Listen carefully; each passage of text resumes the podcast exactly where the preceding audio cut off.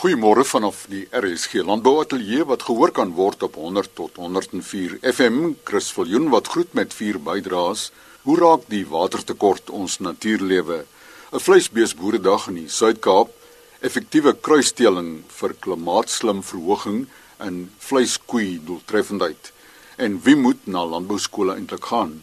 Rupert Koopman, plantkundige van Cape Nature, gesels eerstens oor die natuur en waternood van belang vir almal van ons op die oomblik is die droogte siklus en so voort. Goed soos ehm um, jou koning Proteus, Proteus syneroides, ehm um, sukkel eintlik met die droogte. Baie van hulle het nie hulle blomme vol uitgestoot nie, so uh, hulle nou besluit om 'n bietjie vog te bou. Dit is nou in 'n paar plekke meer as 3 jaar se droogte en jy jy kan dit nou sien op die plante dan van 'n landbouperspektief af is daar hierdie water source areas. Ons het 'n baie goeie kaart wat my kollega Jen Pence aan mekaar gesit het in terme van watter areas die mees belangrik is vir ehm um, groundwater in in ook die boorwater recharge. En dit is eintlik 'n taamlike klein area van die provinsie, maar wat dit beteken is dat daai areas nou ehm um, veral nou in die droogte waar hulle bietjie kwesbaar is ons na hulle moet kyk en hoe ons na hulle moet kyk is om hulle nie te omskep nie en en ook om om buffers in te sit. En uh, op die oomblik is die uh, neiging om ook meer grondwater uit te haal en die ding is met hierdie uh, waterdraers wat ondergrond is. Ons weet nie eintlik hoe hulle werk nie in baie gevalle nie. So moet maar 'n bietjie mooi werk om om seker te maak dat hulle nog steeds daai rol kan vertolk in die toekoms dat hulle ons nie hulle funksies verbreek nie. In in die fynbos spesifiek is daar ehm um, jy het vlei land gedeeltes en jy het ehm um, droër fynbos en dit is eintlik taamlik maklik om te kyk of daar stres is want daai plante wat met hulle voete nat is is dit die wat eerste 'n bietjie gaan stres wys. So dit verg dat mense net in die veld inkom en en 'n oog hou op areas en hulle eintlik van daai goed kan begin rapporteer aan ons. Daar is navorsing wat aandui dat as die reën nie op 'n spesifieke tyd kry nie, is daar van die spesies en spesies wat jy nie sal dink jy jy kan verloor uit die stelsel nie soos die ritte die res jou wat sukkel om weer te hervestig. Kyk, Nature se plantkundige Rupert Koopman en sy e-pos er koopman by kitnature.co.za. 'n Vleisbeesboeredag vind plaas op Donderdag die 13de Maart op die George Skouterrein. Ons verneem by Mani Grobler, spesialis voorligter vir die tuinroete distrik in die departement Landbou in die Wes-Kaap. Dis om die effektiwiteit van hulle koeie te verbeter en dan ook daai steenkalf se gewig te verhoog om die beste ekonomie te kry. Maar behalwe dit het ons natuurlik ons gasspreker is meneer Adrian Kloete van uh, Grassfed South Africa wat 'n bietjie met ons gaan kom praat oor uh, uh, as 'n ou nou self wil afrond op veidings en hoe lyk die mark daarvoor en hoe lyk die ekonomie uh en wat is die protokol as jy wil 'n uh, spesifieke mark wat sê veiding afgeronde diere wil doen. Behalwe dit het ons natuurlik ook uh werk wat op die Outeniqua proefplaas gedoen word wat deurgegee gaan word waar daar verskillende beesrasse gebruik is op Jersey koeie om kruiskalvers uh te produseer.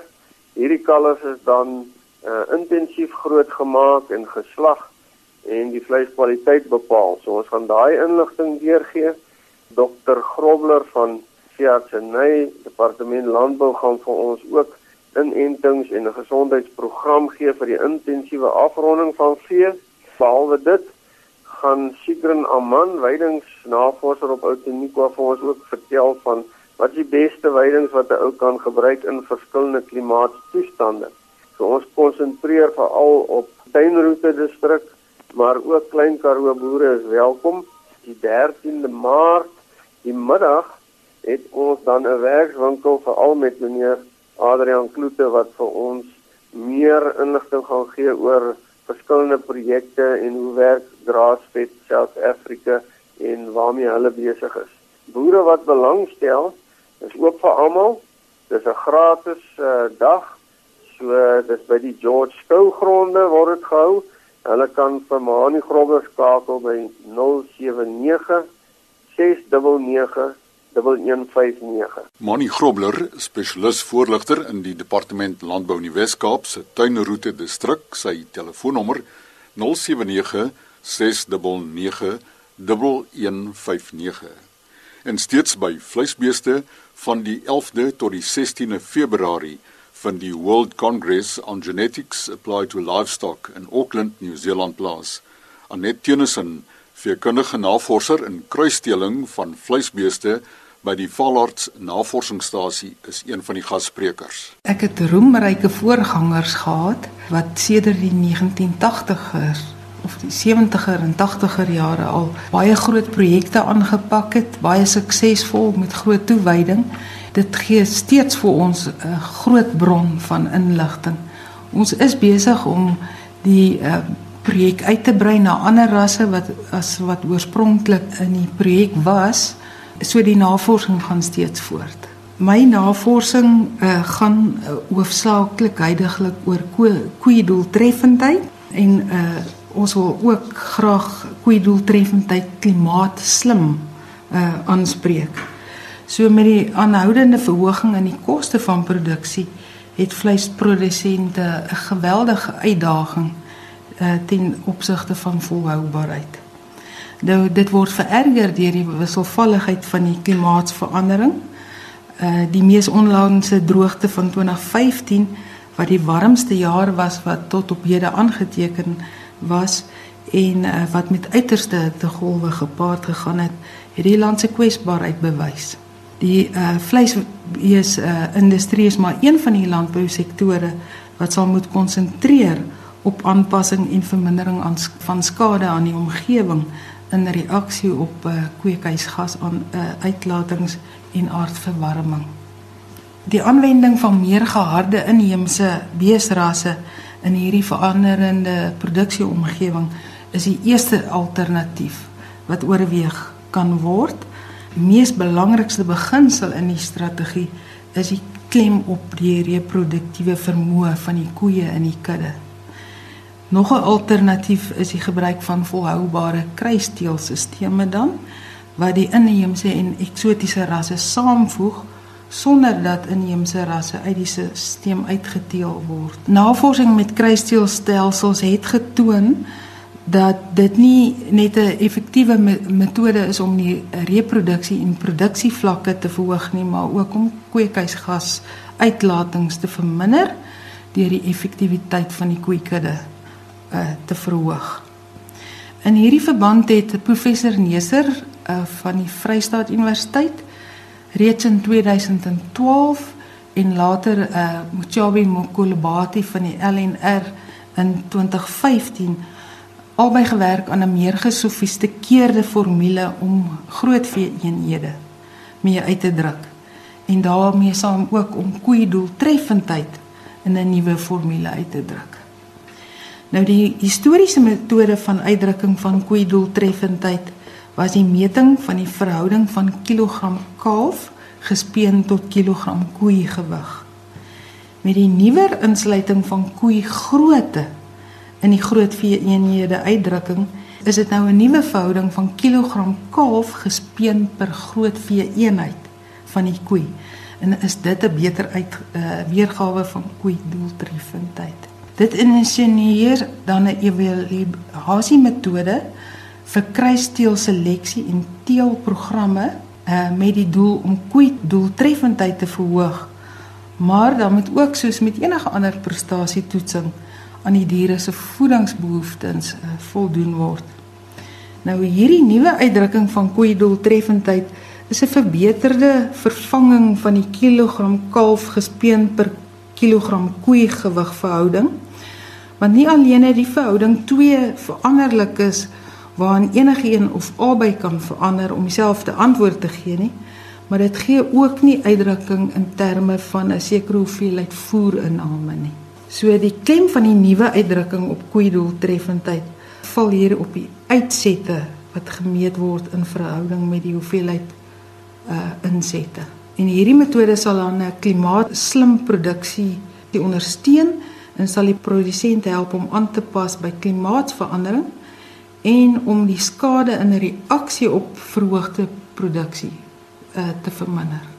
Nou aanvanklik het Meisner en 'n paar medewerkers in 1983 'n groot vee-eenheid gedefinieer op die basis van die voedingsbehoeftes van 'n eenheid, maar daar was nie met liggaamsgroottes verskille gemaak nie. Die koei se voedingsbehoeftes en haar innames was gespesifiseer op liggaamsgewig.